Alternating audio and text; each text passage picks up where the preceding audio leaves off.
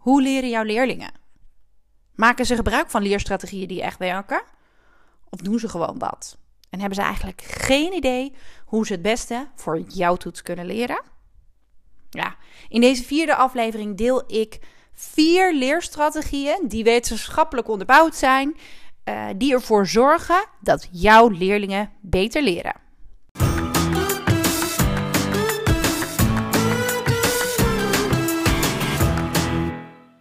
Hey, wat leuk dat je luistert naar de podcast van het Leerlab.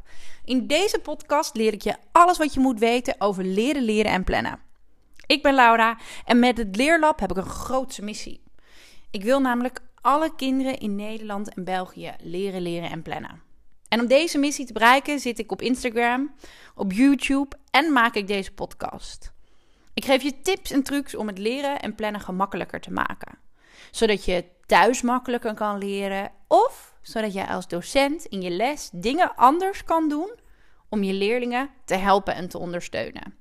En zoals ik net al zei, gaat deze vierde aflevering over vier leerstrategieën die jouw leerlingen helpen om beter te kunnen leren. En als ik, uh, nou, laten we gewoon meteen beginnen, want als je Kijk naar alle onderzoeken die er zijn gedaan als het gaat over leren leren. Daar is echt ontzettend veel onderzoek naar gedaan. Dan komen er vier leerstrategieën naar voren die werken. Vier leerstrategieën die werken voor iedereen. Voor alle leerlingen in jouw klas. Of ook gewoon voor jou als je zit te luisteren. En ehm, mijn Engels is niet het beste, dus misschien ben je Engels docent en denk je nu straks bij het uitspreken van de vier strategieën die ik ga delen: Och, Laura, please, zo spreek je het niet uit. Maar ik doe mijn best en ach, ik ben ook niet perfect. En het gaat om de inhoud. Um, dus als ik het niet goed uitspreek, mijn excuses. Um, of nou ja, eigenlijk helemaal niet uh, excuses. Maar goed, ik ga, ik, ga gewoon, uh, ik ga gewoon van start. Want als het gaat over vier, uh, vier leerstrategieën die werken, dan zijn dat retrieval practice, interleaved practice, spaced practice en dual coding. En in deze podcast ga ik ze alle vier even toelichten. Ik ga uitleggen hoe, wat ik bedoel met deze leerstrategie en hoe je dat in praktijk zou kunnen doen. Daarin geef ik voorbeelden wat je als docent kan doen in de les. Maar ook als leerling kun je echt wat van deze podcast opsteken. Dus denk je nu, oh, dit is voor docenten. Ehm, ik leer hier waarschijnlijk helemaal niks van. Ja, dan heb je het gewoon hartstikke mis. Want ook jij kan vandaag wat van deze podcast leren. Dus sluit gewoon aan en ehm, eh, luister mee uh, wat ik allemaal te vertellen heb over die leerstrategieën. We gaan gewoon met de eerste beginnen. En de eerste leerstrategie is retrieval practice. En retrieval practice betekent eigenlijk gewoon het actief ophalen van informatie uit je langetermijngeheugen. En het fijne van informatie uit je langetermijngeheugen ophalen is zodat je het volgende keer weer ja, gemakkelijker kan. En als je iets gemakkelijker weer kan, vergeet je het ook minder snel. En um, als je actief informatie uit je geheugen op op gaat halen, um, vindt je brein dat heel fijn. Want wat gebeurt er in je brein? De verbinding tussen de neuronen. Neuronen is een ander woord voor hersencel. Ja, die worden uh, sterker. Die worden sterker en sterker. Dus die verbinding tussen die hersencellen wordt sterker. Ik zeg ook wel eens: het zijn goede buren. En die goede buren worden uh, steeds meer dan alleen goede buren. Ze worden ook goede vrienden. Maar doordat die verbinding steeds sterker wordt, kun je gemakkelijker informatie uit je langetermijngeheugen ophalen. En dat is natuurlijk wat we willen. Want als je informatie gemakkelijk kan ophalen uit je geheugen, ja, dan kan je natuurlijk een toets gewoon goed maken. En dan haal je goede cijfers. En dat is wat je natuurlijk wilt. Hoe zou je dat nou kunnen doen? Dat actief ophalen van de informatie uit je langetermijngeheugen. In deze podcast deel ik drie voorbeelden met je, namelijk oefeningen, kernwoorden en woordkaartjes. En deze drie voorbeelden ga ik even kort bij langs. Um, zodat je weet wat je als docent in de les kan doen of wat je thuis kan doen om deze leerstrategie toe te passen. Allereerst oefeningen. Ik ben echt het meest fan van het maken van oefeningen. Als je oefeningen maakt, ja, uh, dan moet je nadenken over de lesstof en ga je die informatie ophalen en worden die verbindingen sterker. Daarom is het ook zo belangrijk dat je je huiswerk maakt. Of dat je als docent controleert of leerlingen hun huiswerk maken. Ik merk eigenlijk heel erg vaak als ik leerlingen spreek, als een docent het niet controleert, is de noodzaak om het te maken er veel minder. Terwijl juist dat huiswerk maken is zo ontzettend belangrijk. Maar goed, je hebt huiswerk, maak je het hele hoofdstuk of het hele blok door. Dus dat is natuurlijk fantastisch en goed. Maar je kan natuurlijk ook leren voor een toets door deze leerstrategie in te zetten. Je kan het doen door oefenvragen, door toetsvragen of quizvragen. Uh, oefenvragen. Ja, in heel veel lesmethoden zit natuurlijk een, een testje zelf, een diagnostische toets. Om op die manier te kijken: hey, ken ik de lesstof goed? En ken ik de lesstof ook goed genoeg? Begrijp ik het, maar kan ik het ook toepassen? Kan ik het ook uitvoeren? Maar vaak de vergelijking: ik kan wel vertellen hoe je moet fietsen. Maar als je wilt fietsen, moet je ook oefenen met fietsen. En zo werkt het natuurlijk ook met je schoolwerk. Of met het schoolwerk. En oefenvragen zijn daar natuurlijk een hele mooi, mooi voorbeeld van. Stel, er is geen test jezelf, oefentoets, diagnostische toets in de lesmethode. Maak dan voor je leerlingen een oefentoets, zodat ze thuis op die manier kunnen controleren of ze de lesstof goed onder de knie hebben en actief kunnen leren. Natuurlijk zou je dat ook in de les kunnen doen door quizvragen in te zetten. Kijk, eh, ik denk dat een heleboel docenten wil weten wat je kan met Kahoot, Quizlet. Uh, er zijn allerlei verschillende mogelijkheden om te kijken ehm, hoe je dat, uh, wat de leerlingen weten. En daardoor kun je natuurlijk op die manier leerlingen in de les actief informatie laten ophalen over de lesstof die toetsjes, die, die testjes, die quizjes van um, Quizlet of... Um, ja, nu kom ik natuurlijk niet meer op het woord. Ah, Kahoot, sorry. Uh, die kun je natuurlijk ook bewaren en de leerlingen thuis laten maken. Want dat zijn mooie manieren om actief bezig te zijn met die lesstof. Nou, wat je altijd een leerling ook nog mee zou kunnen geven is... kijk naar het lesboek. Welke opdrachten zijn belangrijk? En maak vanuit die opdrachten een soort toets voor jezelf. Want toets voor jezelf maken is ook meteen op een kritische manier natuurlijk naar de lesstof kijken. Dus oefeningen maken, op die manier ben je actief informatie aan het ophalen uit je langetermijngeheugen. Dat kun je ook doen met kernwoorden. En kernwoorden heb ik volgens mij wel eerder genoemd, want kernwoorden is het uit je hoofd opschrijven van uh, uh, wat je weet nadat je iets hebt gehoord of gelezen. Dus misschien geef jij als docent wel een instructie over een bepaald onderwerp. Rond dat af en laat leerlingen, studenten, kernwoorden opschrijven over wat ze net hebben gehoord. Waar ging die instructie nou net over? Maar leerlingen kunnen dat natuurlijk ook thuis doen door een stuk te lezen en ehm, het boek weg te leggen en daarna zichzelf af te vragen: hey, wat heb ik nou net eigenlijk gelezen? Belangrijk is wel dat het boek wel weg is. Want heb je het boek erbij, dan kun je natuurlijk spieken waar het over ging. En op zich is dat spieken niet zo erg, maar het is vooral belangrijk dat je die informatie zelf moet ophalen. En als je je boek erbij hebt, dan haal je die niet zelf uit je geheugen op. Natuurlijk kun je daarna even je boek erbij pakken om te controleren: hey, zijn de kernwoorden die ik heb opgeschreven goed of niet? Wat ik wel vaak merk is dat. Ehm, leerlingen, als je dit zo benoemt, dat ze zo kunnen leren, dit niet thuis zelf zomaar kunnen doen. Dus wat ik vaak doe in mijn lessen of in mijn begeleiding, of wat ik aan docenten meegeef, is: ga dit vast toepassen in de les. Zodat leerlingen een beginnetje hebben gemaakt en zodat ze thuis verder kunnen. En dat ze eigenlijk precies weten wat er van ze wordt verwacht of hoe ze dat dan kunnen doen. Op, uh, hè, op die manier leren met kernwoorden. Nou, natuurlijk kun je als uh, laatste voorbeeld om actief informatie op te halen uit je geheugen ook woordkaartjes inzetten. En dat kun je doen door begrippen te leren of door talen te leren. Dat kan natuurlijk met fysieke woordkaartjes. En daar ben ik wel het meest grote voorstander van. Maar ja, soms merk ik dat daar gewoon wel heel veel weerstand op zit. En dan is WRTS voor sommige leerlingen of studenten echt een hele mooie uitkomst. Belangrijk is wel dat als je werkt met woordkaartjes en begrippen of WRTS, dat je de omschrijving van het begrip wel zoveel mogelijk in je eigen woorden doet. Want als je het klakkeloos overschrijft, ja, dan hoef je er natuurlijk niet over na te denken. Ehm, wat nog belangrijk is bij deze uh, leerstrategie, is dat het wel van belang is dat er enige tijd tussen de verschillende oefensessies zit omdat het vooral effectief is als je de informatie voor een deel bent vergeten. En dan moet je je geheugen aan het werk zetten om de informatie op te halen, waardoor die verbindingen sterker worden en dat je het beter gaat onthouden. Doe je dat niet en wordt het een soort van, ga je dat heel veel achter elkaar doen? Als je het heel veel achter elkaar doet, ja, dan wordt het een automatisme. En als het een automatisme is, dan wordt je brein een beetje lui en hoef je natuurlijk niet zo heel veel meer te doen en leer je dus veel minder. Nou, dat was uh, de eerste leerstrategie, retrieval practice. Dus het actief ophalen van informatie uit je langetermijngeheugen. Door bijvoorbeeld oefeningen te maken, kernwoorden op te schrijven of te werken met woordkaartjes. Ja, dan uh, gaan we gewoon door uh, met de tweede. En dat is interleaved practice. En dat is het afwisselen van onderwerpen of type vragen.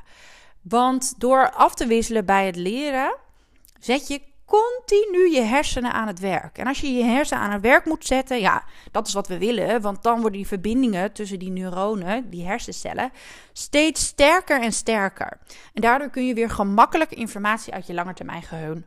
Uh, lange, term, lange termijn geheugen. Oh, wat een moeilijk woord toch iedere keer. Uh, ophalen.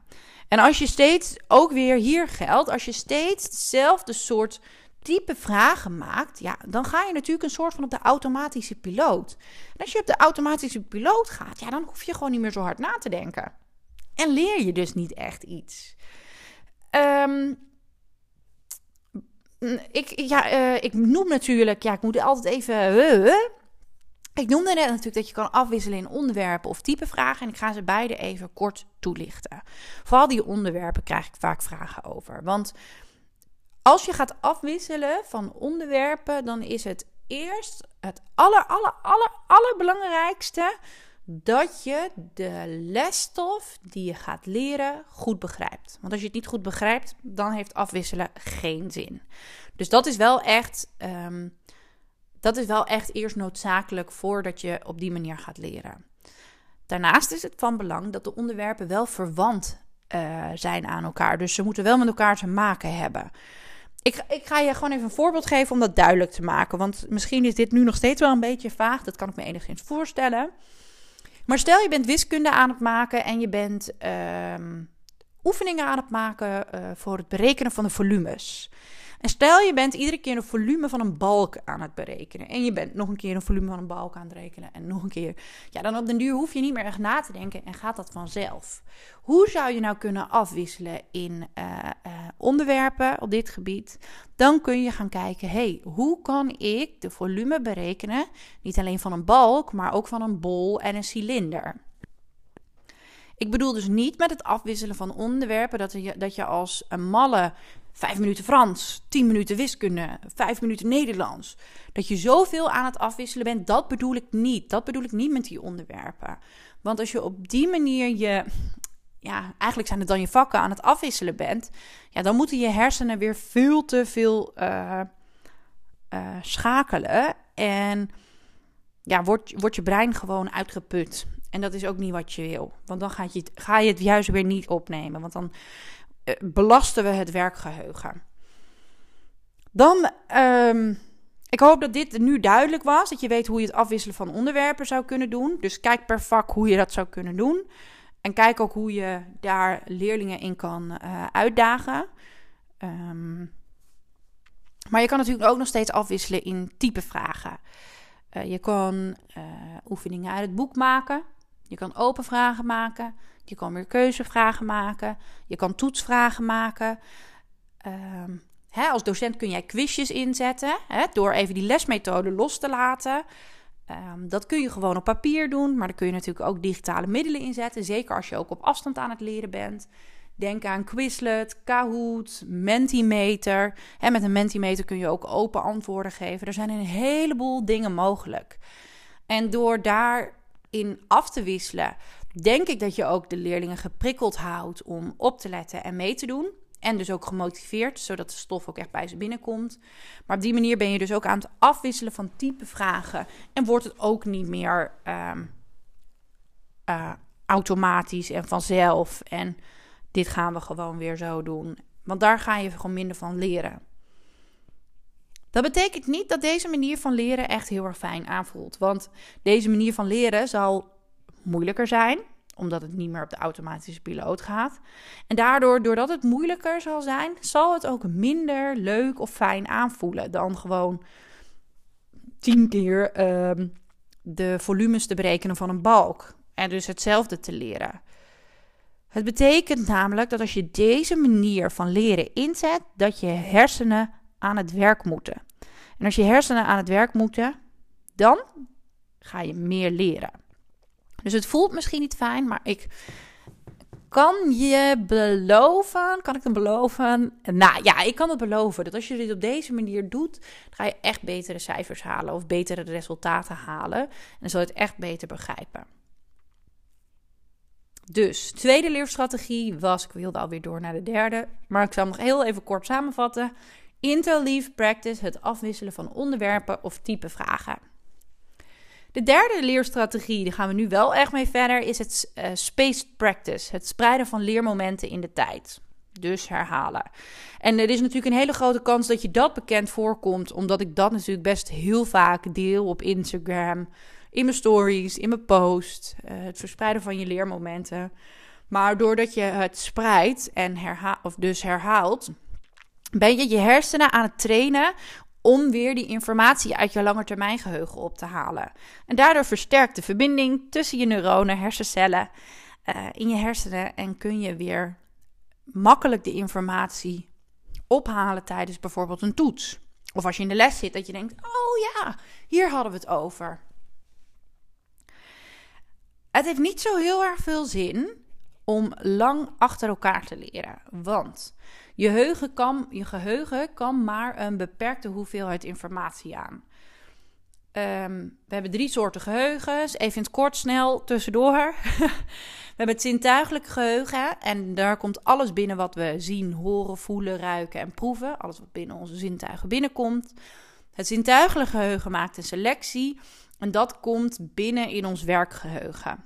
En als we aan het leren zijn, dan komt daar in dat werkgeheugen, de korte, uh, werkgeheugen, ook wel het korte termijn geheugen, daar komt de informatie binnen. En dat heeft maar een bepaalde opslagruimte. Dus leer je meer dan, nou ja, ongeveer een half uur, zeg ik vaak. Uh, het ligt er natuurlijk een beetje aan hoeveel je werkgeheugen aan kan. Dat heeft te maken met hoe moeilijk de lesstof is. En um, wat je al van het onderwerp weet. Maar meestal zeg ik na een half uur ongeveer. Hè, dat is gemiddeld. Dus het kan zijn dat bij jou iets korter is of langer. Um, ja, dan zit dat werkgeheugen vol. En leer je meer dan dat, dan worden er ook weer dingen vergeten. En het is nou ja, eigenlijk is het wel te vergelijken met de opslag van je mobiele telefoon. Als je mobiele telefoon vol is, dan moet je weer ruimte maken om weer foto's te kunnen maken of appjes te kunnen versturen. En zo werkt dat ook met ons geheugen. Dus je kan wel een dag, hè, je kan wel een dag voor de toets ehm, heel hard gaan leren, maar dat heeft helemaal niet veel zin, want er worden op die manier ook weer dingen vergeten. Maar wat kun je nu als docent doen om leerlingen te helpen met het spreiden van hun leermomenten? Nou, dat kun je natuurlijk doen door tussentijdse toetsen in te zetten. En wat ik wel hoor is dat docenten wel een eindtoets hebben en ehm, soms een schriftelijke overhoring tussen te, daarvoor. Maar daarvoor wordt eigenlijk, ja, wordt er wel leerwerk opgegeven, maar er wordt eigenlijk niet uh, door leerlingen geleerd. Dus stel je bent uh, Engels en je hebt een SO ingepland voor de woorden en de zinnen. En je hebt een proefwerk en dat gaat over de woorden, zinnen en grammatica. Dan zou je ook best nog een SO in kunnen zetten over de grammatica. En dan zou je die woordjes, uh, want dat is vaak wel een hele blubs uh, aan woorden, die zou je ook nog kunnen opdelen. Dus stel je hebt 250 woorden voor het hoofdstuk, dan kun je best zeggen tegen de leerlingen dat je tussentijds gaat toetsen. Um, desnoods maak je vijf tussentijdse toetsen. Eentje over de eerste 50, eentje over de tweede 50. En zo verspreid je het voor de leerlingen. Dan kun je voor jezelf bedenken: wil je daar een cijfer of een resultaat aan koppelen? Of tel je die bij elkaar op en dat wordt één SO-cijfer? Dat moet je bedenken. En ik denk dat het ook goed is om als um, sectie daarover na te denken of als school daarover na te denken. Maar die tussentijdse uh, checks om te kijken, hey, hoe gaat het? Hoe goed heb je de doelen al onder de knie? Zullen ervoor zorgen, zal ervoor zorgen dat je leerlingen helpt met het verspreiden van de lesstof. Dus gewoon dat opgeven en zeggen, nou, je, je moet dat gaan leren en dat komt wel goed. Ja, ik geloof er niet echt in dat dat werkt. Want zeker niet als ik leerlingen hoor, daarover hoor praten. Ja, die zeggen, oh nee hoor, dat wordt toch niet gecontroleerd. Of nee hoor, er wordt niks mee gedaan. Natuurlijk, ik snap echt wel als je zegt dat er voor een deel verantwoordelijkheid zit bij de leerling. Maar jij kan het ook belangrijker maken door er wel een tussentijdse toets van te maken. Um, nou ja, ik ben vooral heel erg benieuwd wat je hiermee gaat doen. En of je nu denkt, hmm, Lau, dat is eigenlijk best wel een goeie. Ik uh, ga wat vaker tussentijds toetsen. En dat kan op het VO, maar dat kan natuurlijk ook op het MBO. Want ik weet ook dat er MBO-docenten luisteren naar deze podcast. Maar ga kritisch kijken naar je lesstof. Waar kun je tussendoor al kleine toetsjes over hebben? Dat zou ook best over één paragraaf kunnen, of over twee paragrafen, of over de begrippen. Denk na hoe jij als docent jouw leerlingen kan helpen en begeleiden om hun leermomenten te verspreiden in de tijd en hoe je ze helpt om te herhalen. Nou ja, dat was leerstrategie 3, Space Practice. Ik ben heel erg benieuwd eh, wat je daarmee gaat doen en of je daar ook echt iets mee gaat doen. Misschien heb je ook wel echt heel erg duidelijk de mening. Nee dat is de verantwoordelijkheid van de leerlingen en ze zoeken het maar uit. Dat kan natuurlijk ook. Maar ik geloof erin dat we als docent leerlingen kunnen helpen en begeleiden om het te verspreiden. Als docent zou je ook nog iets kunnen doen met het combineren van beelden en woorden, waardoor leerlingen het weer beter onthouden. En dat is eigenlijk meteen mijn bruggetje naar de laatste leerstrategie, de vierde leerstrategie, die uit onderzoek naar voren komt. En dat heet dual coding. En om dat even goed zo goed mogelijk uit te leggen, moet ik je even iets vertellen over het werkgeheugen. Want ons werkgeheugen bestaat uit, eigenlijk uit twee ruimtes. Twee, uh, ja, twee werkruimtes, zeg ik wel eens. En de ene codeert en verwerkt beelden. En de andere werkruimte um, verwerkt uh, taal, de verbale informatie. En door beide uh, werkruimtes aan te spreken, verwerk je het dubbel zo snel eigenlijk heel simpel. Kijk, um, uh, ja, ik ga even kijken of ik via, uh, zo via audio een goed voorbeeld voor je kan bedenken. Oh ja, ik heb wel een voorbeeld. Misschien. Um, ja, misschien een beetje gek. Um, maar uh, dit is een voorbeeld waarvan ik denk dat leerlingen het ook wel zullen gaan begrijpen. En zodat leerlingen die dit nu luisteren ook denken: oh, maar dit kan ik dan doen om het leren gemakkelijker te maken. Stel je moet het begrip boom uitleggen. Dan kun je in je Prezi, in je PowerPoint of op het bord een plaatje van een boom zetten en dit mondeling toelichten. Want door uh, de informatie op twee manieren aan te bieden, in dit geval dus verbaal en visueel, komt het ook op beide manieren de hersenen binnen, waardoor dubbel, uh, dub, uh, ja, dubbel wordt opgeslagen uh, en dat je het ook weer makkelijker kan ophalen uit je langetermijngeheugen. Dus stel je hebt een moeilijk begrip, kies het plaatje boom dat laat je zien en dan ga je mondelinge toelichting geven. Daarbij is wel van belang dat je het gaat mondeling gaat toelichten. Omdat het uh, niet, niet werkt als we ook leerlingen dan daar nog een stuk tekst over laten lezen. Omdat er dan een grote kans is dat het werkgeheugen overbelast raakt. Um, even denken wat ik hier nu nog meer over wil zeggen. Ja, ja, misschien weet je het wel. En heb je wel eens testjes gedaan om te kijken: hé, hey, uh, wat kan ik nou goed onthouden? Uh, hoe werkt dat nou? Ik doe, uh, ik doe vaak tijdens mijn workshop ook wel van dat soort testjes om docenten dat ook zelf te laten ervaren. maar beelden zijn krachtiger. Geschreven of gesproken tekst wordt maar één keer opgeslagen. Maar bij plaatjes gebeurt er wat anders. Dat wordt namelijk twee keer opgeslagen, verbaal en visueel. En door dus die informatie op twee manieren aan te bieden, komt het op beide manieren de hersenen binnen en ga je het gewoon beter onthouden. En dat is wat we willen. En dat is dus zo simpel. Dus door beelden en woorden te combineren, gaan leerlingen jouw lesstof, wat jij ze duidelijk wil maken, beter onthouden. En hier kun je als docent bij ondersteunen. Hier kun je als docent je leerlingen bij helpen. Oké, dit ging even mis.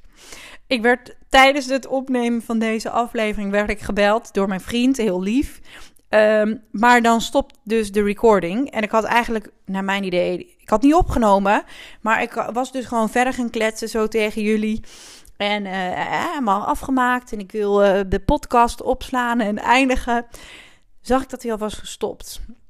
Maar ja, toch eerst even mijn vriend teruggebeld. Want die stond met een beetje pech langs de weg. Gelukkig is alles goed, want het is alleen maar een uh, koplicht uh, uh, die het niet doet. Maar ja, de podcast werd gewoon even zomaar onderbroken. En um, ik ga zo goed mogelijk de boel weer proberen op te pakken. Want het is natuurlijk super zonde. alles wat ik nu net met jullie heb gedeeld, als ik dat helemaal opnieuw ga opnemen. En ach, ik ben ook maar mens. Dus ik ben niet perfect. Ik maak fouten. Dus ik hoop dat je me kunt vergeven voor de onderbreking. Uh, maar ik weet nog precies waar we waren, want we waren bij leerstrategie 4. Uh, als het gaat over effectieve leerstrategieën. En uh, dat was dual coding. En het combineren van beelden en woorden waardoor je het beter onthoudt. En ik, volgens mij was mijn laatste zin dat jij daar als docent een belangrijke rol in kan spelen, omdat je leerlingen kan, daarbij kan ondersteunen. En dat kun je doen door bijvoorbeeld moeilijke begrippen te verduidelijken met afbeeldingen, door leerlingen informatie te laten visualiseren of door afbeeldingen uh, mondeling toe te lichten. Eigenlijk het voorbeeld wat ik net gaf met de boom, het begrip de boom. Denk daarbij dus wel echter om dat je uh, mondeling gaat toelichten en niet textueel, omdat je uh, um, omdat dat effectief is, het mondeling toelichten. Um, en als je het textueel gaat toelichten, gaan we het brein waarschijnlijk overbelasten. Dus dat is wat we niet willen. Nou, dat waren de vier leerstrategieën die uit wetenschappelijke onderzoeken naar voren komen, die uh, werken. Even kort nog voor je op een rij. We, we, waren begonnen met retrieval practice, het actief ophalen van informatie uit je langetermijngeheugen. Uh, interleave practice, het afwisselen van onderwerpen of type vragen. Space practice, het spreiden van je leermomenten. Uh, dus eigenlijk gewoon herhalen. En de laatste die we net hebben afgerond, dual coding. De combinatie van beelden en woorden, waardoor je het weer beter onthoudt. Nu denk je misschien, ja, dit is allemaal hartstikke leuk, Laura. Heel veel, uh, heel veel informatie vier leerstrategieën met moeilijke namen. Ja, dit ga ik natuurlijk niet zo naar mijn leerlingen uh, uitleggen. En dat klopt, want dat doe ik zelf ook niet. Naar leerlingen maak ik eigenlijk altijd de vertaalslag um, naar twee leerstrategieën. Zo blijft het overzichtelijk, duidelijk en begrijpen leerlingen ook echt waar ik het over heb. En wij als docenten, begeleiders en coaches weten en kennen nu dus deze informatie die erachter ligt als het gaat over leerstrategieën. Maar naar, leers, um, naar de leerlingen geef ik altijd uh, uh, het verspreiden van je leermomenten en actief bezig zijn met de lesstof. En voor mij zitten in deze twee leerstrategieën de vier eerder genoemde leerstrategieën wel verwerkt. Um, hoe ik dat dan naar leerlingen uh, vertaal, wat voor tips ik ze daarbij geef, dat leg ik eigenlijk heel erg duidelijk uit in de eerste podcast. Hoe kan je nou het beste leren voor een toets? Dus um, wil je precies weten hoe en wat, ga die dan vooral luisteren. Um, en je moet nu echt niet denken, joh, uh, oké, ga ik gewoon dit doen. En dan komt het allemaal goed dit schooljaar met mijn leerlingen. Want het lastige van deze leerstrategieën is juist dat het niet vanzelf gaat. Dat het tijd kost. Dat, het, dat leerlingen moeite moeten doen. Maar daar, daarbij is het allergrootste belang. Um, wat wij kunnen doen als docenten en leerkrachten is begeleiden. Het is namelijk van belang om leerlingen telkens weer te vertellen um, waarom deze twee leerstrategieën zo belangrijk zijn. En dat doe je niet alleen in de eerste, uh, eerste klas, het eerste jaar. En dan vier lesjes besteden aan leren, leren en plannen. En dan erin geloven dat leerlingen wel weten hoe het zit en hoe het werkt. Daarnaast denk ik dat het belangrijk is dus dat we het blijven herhalen en blijven vertellen aan leerlingen. Maar nog belangrijker is dat we leerlingen laten ervaren waarom deze leerlingen of deze leerstrategieën werken.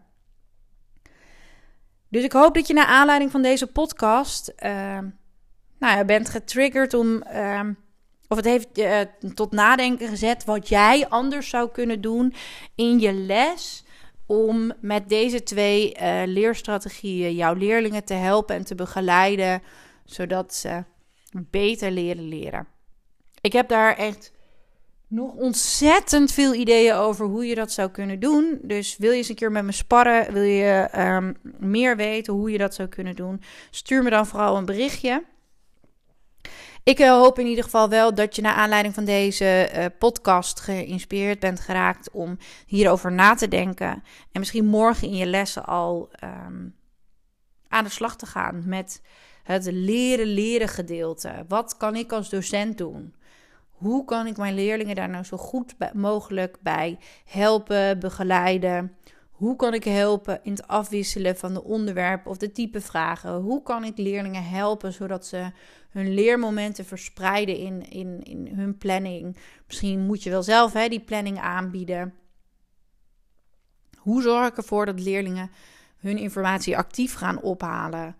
Uh, en wat kan ik doen zodat. Uh, um, wat kan ik anders doen in mijn lessen door uh, gebruik te maken van combinatie beeld en woord?